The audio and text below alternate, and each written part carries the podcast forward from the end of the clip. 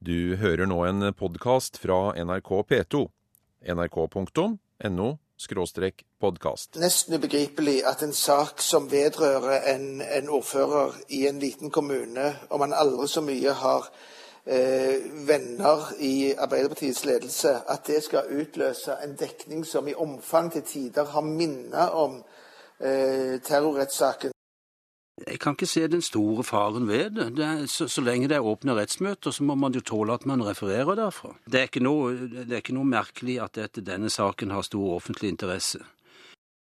Det første er jo at du mister eh, ditt privatliv. Særlig hvis det dreier seg om en rettssak følsomme, om, om, følsomme temaer.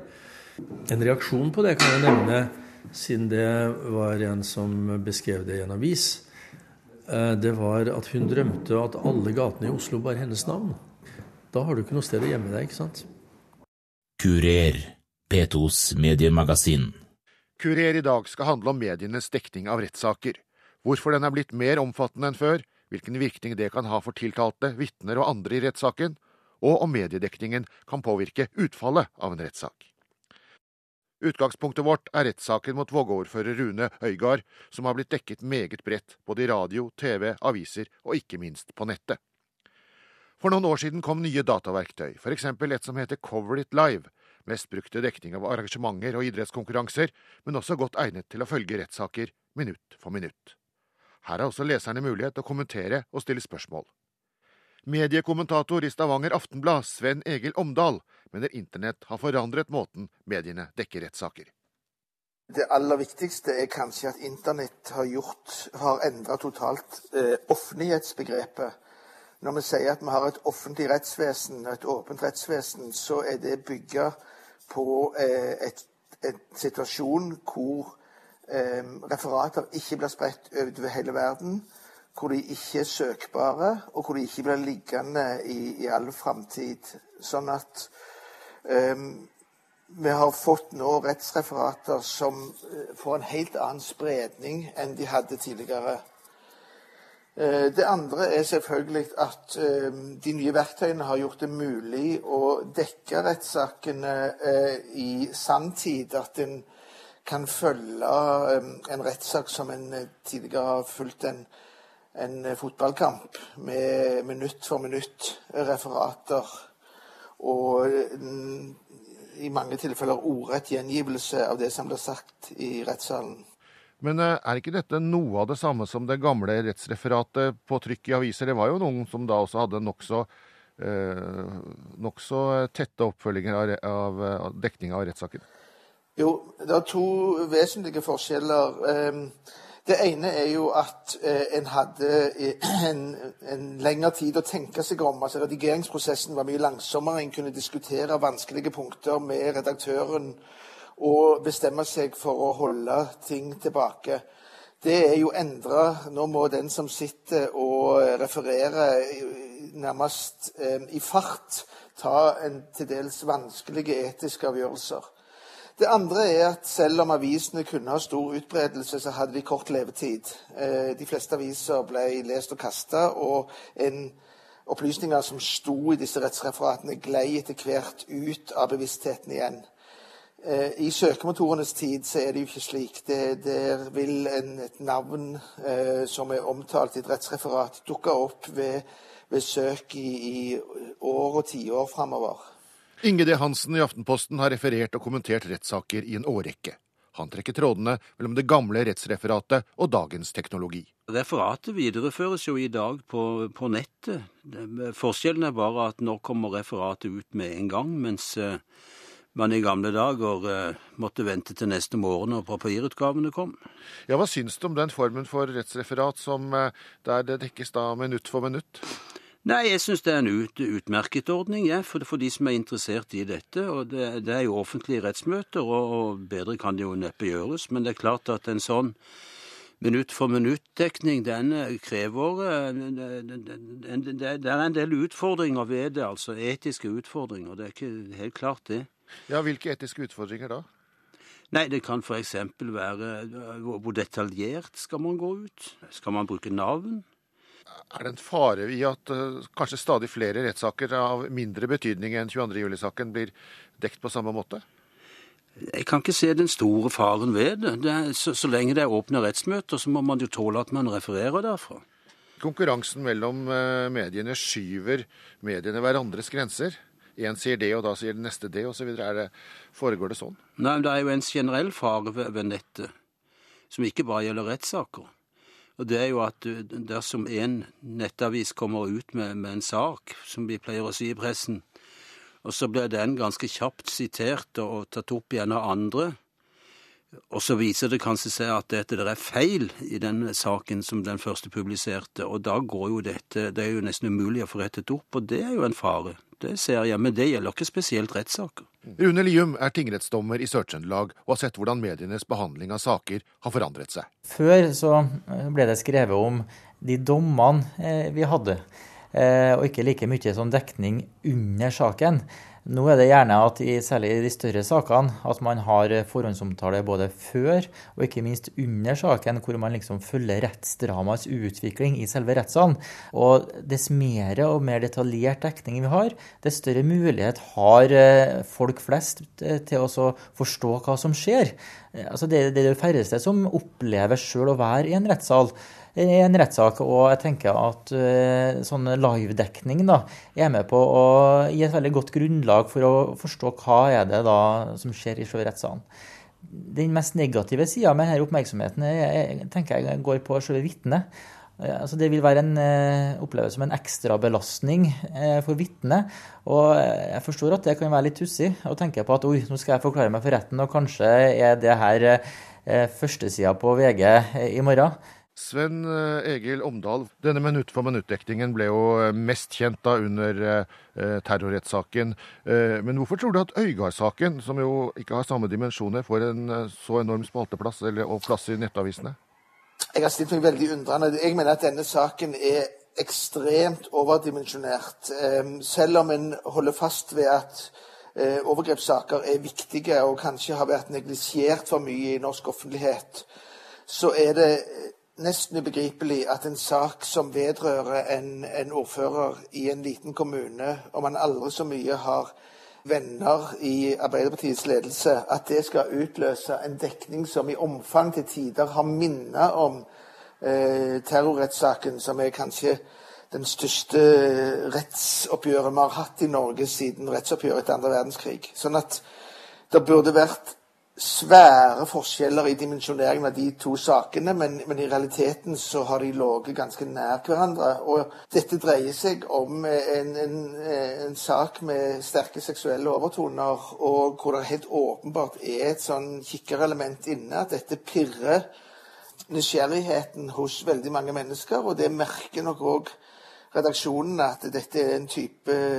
artikler som blir lest selv i, om, i, i, grupper av folket som ikke skulle ha noen prinsipiell interesse av det. Den, den, er først og fremst en sørgelig lokalsak fra uh, Gudbrandsdalen. Og vanskelig å forstå hvorfor dette skal være den viktigste nasjonale saken, saken i uke etter uke. Rettskommentator Inge D. Hansen er ikke enig med mediekommentator Sven Egil Omdal. Det er ikke noe merkelig at dette, denne saken har stor offentlig interesse det, det, er en ordfører som, som, da er tiltalt for, for seksuell overgrep mot ei jente som da var, ifølge tiltalen, da første gang 13 år. Eh, det, det, en ordfører er en person med, med tillit, om man skulle tro også stor integritet. Eh, nå viser det seg at eh, iallfall skal vi følge påtalemyndigheten, at det har skjedd noe helt annet i Vågå. Og, og, eh, det er ikke noe minste merkelig at dette har offentlig interesse. Men hva med dette med at det er kikkermentalitet ute og går? Er du enig i det? Nei, det er ikke så Det kan man jo si om hver eneste rettssak, da. Det som, som, jo er verst her, eh, syns jeg, det er den rykteflommen som har gått i, i, i Vågå og Skjåk og med omliggende land. Eh, nå får vi jo ned på jorda hva er skjedd og hva er ikke skjedd. Og, det, må, jo være en befrielse for mange, eh, kanskje spesielt for denne unge jenta, å komme nå i retten og, og få dette holdt jeg på å si, ned på jorda fra den rykteflommen som har gått. Syns du det er for eh, mange detaljer i dekningen? Det kan alltid diskuteres, og, og, vi skal være forsiktige med detaljer. Jeg, personlig kan jeg ikke Nå har jo ikke jeg sett alt som har vært skrevet og, og, og vist på fjernsyn og, vært på radio. Men det som jeg har sett, så kan jeg ikke se at det har vært, det har vært noen sånn store feil ved dekningen her. Hvilket ansvar mener du mediene har for det presset både tiltalte og den unge jenta utsettes for? Når det oppstår dette som kalles et drev, altså hvor veldig mange medier forfølger den samme saken samtidig, så, så vil hvert enkelt medium si at de ikke kan ta ansvar for helheten i trykket. Men hvis ikke hvert enkelt medium eh, gjør det, hvem skal da ta dette ansvaret? Jeg mener at hver redaktør burde sett hvor tung summen av all denne dekningen blir, og bestemt seg for eh, hver for seg å dempe eh, omfanget. Og med omfang mener jeg både antall spaltemeter og sendeminutter, men jeg mener òg detaljeringsgraden i, eh, i, det som kommer fram. Sven eh, Egil Omdal, skyver mediene hverandres grenser for bruk av detaljer når eh, man er i slike saker? Ja. Det der er et indre konkurranseelement. Eh, den enkelte redaksjonen vil antagelig si at eh, vi er mer forsiktige enn våre konkurrenter. Men, eh, men noen dytter grensen, og da er den grensen forskjøvet. Så følger andre på, for disse opplysningene er jo allerede ute i det offentlige rom. Så hentes de opp i de sosiale mediene og diskuteres og suppleres kanskje med ting som ikke har vært i massemediene. Og så får en til slutt et veldig ubehagelig detaljnivå eh, på omtalen av av ting som går dypt inn i eh, intimsfæren. Og ikke minst så går det jo utover livskvaliteten til, til mennesker som, som blir offer for et sånt drev. Men hvordan skal man gjøre det rent praktisk? For eh, skal enhver redaktør eh, det er vel kanskje ingen som vil begynne med å, å ta ned dekningen i en sak som de vet leserne vil, eh, og lytterne vil høre om? Det syns jeg. Jeg syns jo I dette tilfellet så kunne NRK begynt. NRK med sine programregler og sin sterke innflytelse. De kunne sett på sin dekning og sagt at vi, vi tar ned denne dekningen. Det ville allerede det ville være en betydelig forbedring av, av presset. Men hva sier NRK til den utfordringen? Stein Bjøntegård er nyhetsredaktør. Eh, jeg skjønner jo at eh, folk flest, eh, hvis de følger med på alle medier, kan oppfatte det som veldig massivt.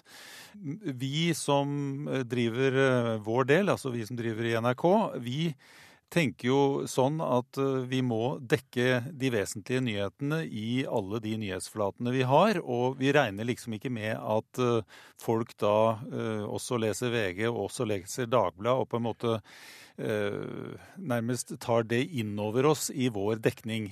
Og det er klart at i denne saken så har vi nok vært på grensen til å oppfatte det som en overdekning. Men vi skal ikke, huske, eh, skal ikke glemme heller at interessen rundt denne saken har vært veldig stor.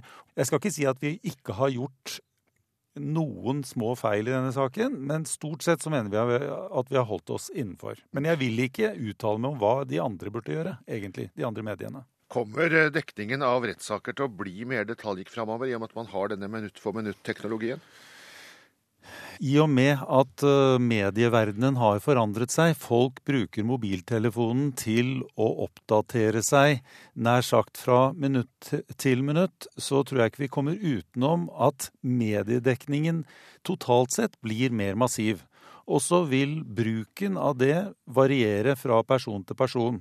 De som vil ha en oppdatering å si, på mobiltelefonen hvert kvarter, de vil, vil, ha det, og de kommer til å få det.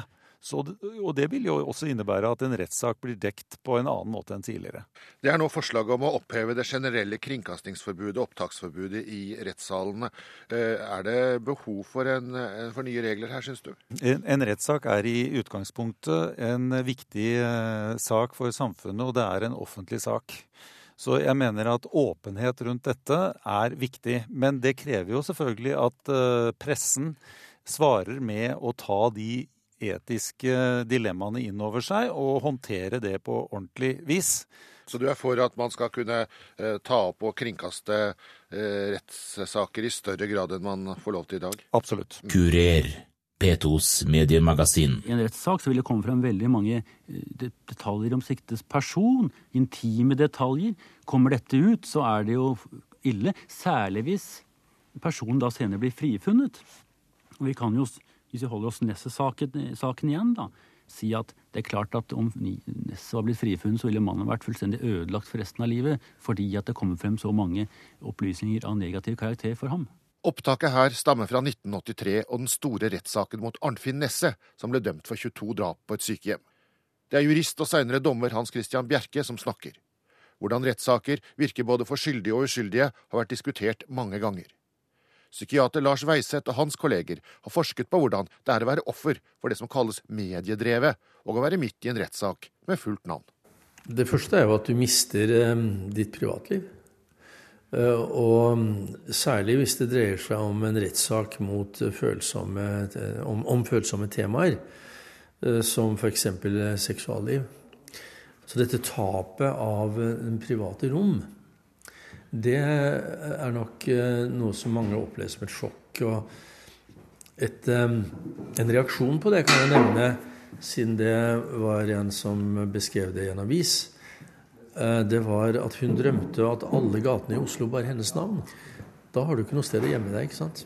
Eh, hvis navnet ditt har blitt knyttet til saken, eh, så vil du bli omtalt mye mer enn de andre eventuelt som var involvert, som ikke navngir saken. Og For å ta et eksempel, da. Sett at jeg blir tatt i promillekjøring. Da, Hvor mange vil vite om det? Eh, kanskje 15-20 mennesker. ikke sant? Og så kan jeg si til meg selv ja, men de, de kjenner meg på andre måter også. Men hvis uh, man uh, er en, en, offentlig person, og dette blir kjent, ikke sant, så vil, vil du kunne tenke at fire millioner mennesker tror jeg er sånn. Og mange av de aner ikke hvordan jeg er. Altså, og det er nytt.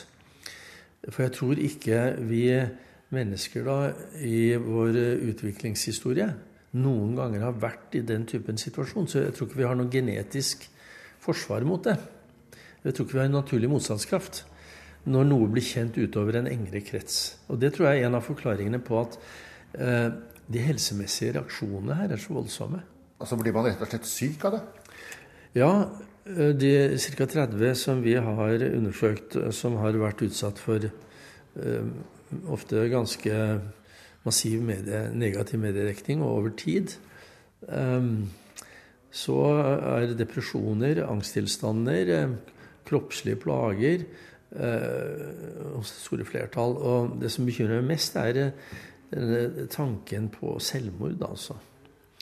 Det kommer bort. Og det er særlig hos de som ikke bare rammes selv, men du føler at familien også blir trukket inn i dette, eller arbeidsplassen. Eller et parti Eh, hvis man representerer det. Det at andre rammes enn meg, oppleves som en veldig stor tilleggsbelastning. Og da kommer dessverre tanken om at hvis jeg blir borte, så stopper det, ikke sant. Den er farlig. Og noen i vårt materiale har vært veldig nære på faktisk å handle på grunnlag av den tanken. Men jeg, men jeg har jo sett at til og med hvis man blir frikjent, altså for oppreisning og erstatning, så hefter dette ved en, altså. At, ehm, at, det som skjedde i de månedene hvor dette pågikk og kom til sant, offentlighetens eh, lys gang på gang, eh, at det blir ikke reparert, altså. Og det syns jeg nok dere journalister må tenke litt på. At ehm, bare det å, å bli eh, fokusert over tid, selv om det skulle vise seg at det er grunnløst, er en påkjenning. Er det en forskjell på gamle dagers aviser med rettsreferater hvor avisen ble lest, og så ble den kastet eller brent, og i dag hvor, hvor ting ligger på nettet nærmest til evig tid? Ja, det er det sikkert. Nå tror jeg kanskje at mediene var like ubønnhørlige før, men du vet, spredningen er en helt annen. Eh, jeg har sammenlignet, eh, eller Forskergruppene våre har jo sammenlignet to lignende saker med ti års mellomrom ca. Og vi kunne påvise en firdobling av antallet oppslag og, og medieomfanget. og det skyldtes nettmediene som hadde kommet til. Og denne følelsen at eh, det får evig liv, altså. Og jeg vet aldri når det kommer. Hvis vi snakker om eh, rettssak for en, eh, en, ung person som jo er involvert og fornærmet i, i, i, denne saken, hva slags belastninger utsettes man for? Altså det å bli omtalt som tredje person, særlig når det dreier seg om dypt eh, private Og intime forhold som krysser bluferdighetsgrensen, det er eh, ekstremt ubehagelig. Hvis dette da virkelig har hendt, så vil det også reaktivere ikke sant? Um, gjenopplevelsene av selve hendelsen. Altså det å bli sett fører ofte til skamfølelse. ikke sant? Så, um, så det å bli synliggjort, avdekket, er, uh, det, det, kan være en betydelig påkjenning. Og så er det at den naturlige trangen er å flykte og gjemme seg. Uh, og det er akkurat det man da ikke får lov. Et viktig spørsmål er om den massive mediedekningen påvirker domstolens arbeid. Sven Engel Lomdal i Stavanger Aftenblad. En bør i hvert fall begynne å diskutere hva dette gjør med rettssikkerheten for de som er eh, tiltalte eller vitner i disse sakene, og hvilket press det legger på domstolene. Både i Lillehammer-saken og i terrorrettssaken så ser en jo òg at det er kobla på et, et veldig stort kommentarkorps Kommentatorene sin hovedoppgave er jo å eh, skape opinion og påvirke meningene om det som skjer. Og det er klart at Jo sterkere meningspresset er på domstolen, jo større er faren for at domstolen blir påvirka av, av, det mediepresset. Um, en, en, det er ganske naivt å tro at en dommer som sitter i en sak som dette, ikke på et eller annet nivå blir påvirka av uh, det trykket som skapes ute. Det, det har han sett tydelig i denne eh, Vågå-saken. At eh, det er meget sterke meninger eh, både i massemediene og de sosiale mediene om skyldspørsmålet lenge før en er kommet til sakens eh, konklusjoner. Altså Hvis man hele tiden henger seg opp i enkeltbevis, så kan vi komme ille ut. For det er klart, I en sak som Vågå-saken så er det jo veldig viktig at dette retten ser hele bevisbildet under ett når den skal ta en avgjørelse. Og, og faren for kommentatorene er jo at dette man eh, på et tidspunkt, når et bevis blir fremført til retten, sier at oi, dette fører til frifinnelse, eller dette fører til domfellelse. Rettskommentator Inge D. Hansen i Aftenposten. Han tror sterkt mediepress kan påvirke rett. Jo, det, det, ligger en viss fare der. Jeg kan være enig i det, og spesielt i, i større saker som, som, går over tid. Det er naturlig nok størst i startfasen når tiltalte selv og den fornærmede skal forklare seg. Det er det som har størst interesse. Og så kan det være spesielle vitner som kommer, som har mer interesse enn andre. Da er trykket størst. Tingrettsdommer Rune Vium er ikke så redd for at vitner f.eks. blir påvirket. I straffesaker så har man jo allerede de fleste vitnene avgitt en politiforklaring uten sånn påvirkning. Sånn at hvis det er en forskjell på det man forklarte for politiet og for retten, så får man jo høre det. Og i tillegg så Vitner påvirkes jo alltid, og jeg tenker vel at Eh, av og til eh, opplever vi at vitner snakker sammen, og en sånn påvirkning er kanskje enda sterkere enn det man får gjennom en sånn live-dekning. Eh, så Vitnemål er jo også på mange måter noe av de dårligste bevisene vi har i utgangspunktet. Eh, et vitne vil jo alltid ha, beskrive hvordan eh, man subjektivt har opplevd noe. og Det er mange feilkilder, mange mulige feilkilder i forhold til tolkning osv. Men denne, denne, massive dekningen, du sier at den, den, den kan påvirke vitner, men kan den påvirke retten? Kan den påvirke dere dommere? Alle mennesker kan jo påvirkes. Men man prøver faktisk å søke å unngå å lese det som skrives, eh, og man oppfordrer meddommerne til det samme. Eh, nettopp for å forsøke å unngå da, denne påvirkninga. Ja, for det må vel oppleves som et ekstra press når salen er full av eh, journalister fra radio, TV, aviser, og du vet at dette er førstesidestoff overalt? ja, åpenbart at det gjør det litt krevende. Og vi ser jo også at dommerens håndtering av saken plutselig blir et tema for journalistene. Eh, sånn at eh, man føler jo at man blir satt under lupen. Men det er jo noe vi må tåle. Det er en del av dommergjerningen. Men hvor går veien for rettsreferatet videre? Blir det bare mer minutt for minutt? Sven Egil Omdal tror det. Ja, jeg far for det. Presset for å få ha levende bilder for rettssaken vil øke. Det vil komme Eh, enda enklere eh, overganger mellom medienes løpende dekning og de sosiale mediene, altså spredning på Facebook og, og andre steder. En vil til slutt få en slags sånn at en, en, alle rettssaker som har stor interesse vil på en måte utspille seg ikke bare i den lokale rettssalen, men i et enormt digitalt rom der hele verden i praksis kan følge sakene. Én ting er sikkert, debatten om pressens dekning kommer til å fortsette. Slik den ble holdt i 1936 da NRK syntes den var så viktig at man til og med spilte den inn på en plate og tok vare på den. Argumentene forandrer seg heller ikke så mye. Her er advokat Aneus Skjøtt. Men selve interessen av å komme først til mål inneholder en fristelse til å slenge ut nyheter på en sensasjonell måte, uten å undersøke saken tilstrekkelig på forhånd, og uten å overveie om de vil gjøre for stor og uberettiget skade. Først og fremst mener jeg avisene må huske på at nyhetskappløpet ikke i seg selv kan anerkjennes som noe ideelt formål, men hovedsakelig er utslag av et egoistisk begrunnet konkurranseforhold mellom avisene. Men jeg har ikke ofte under lesningen av et rettsreferat kunnet tilegne meg den oppfatning at referenden egentlig har gått i retten for å kontrollere det norske rettsvesen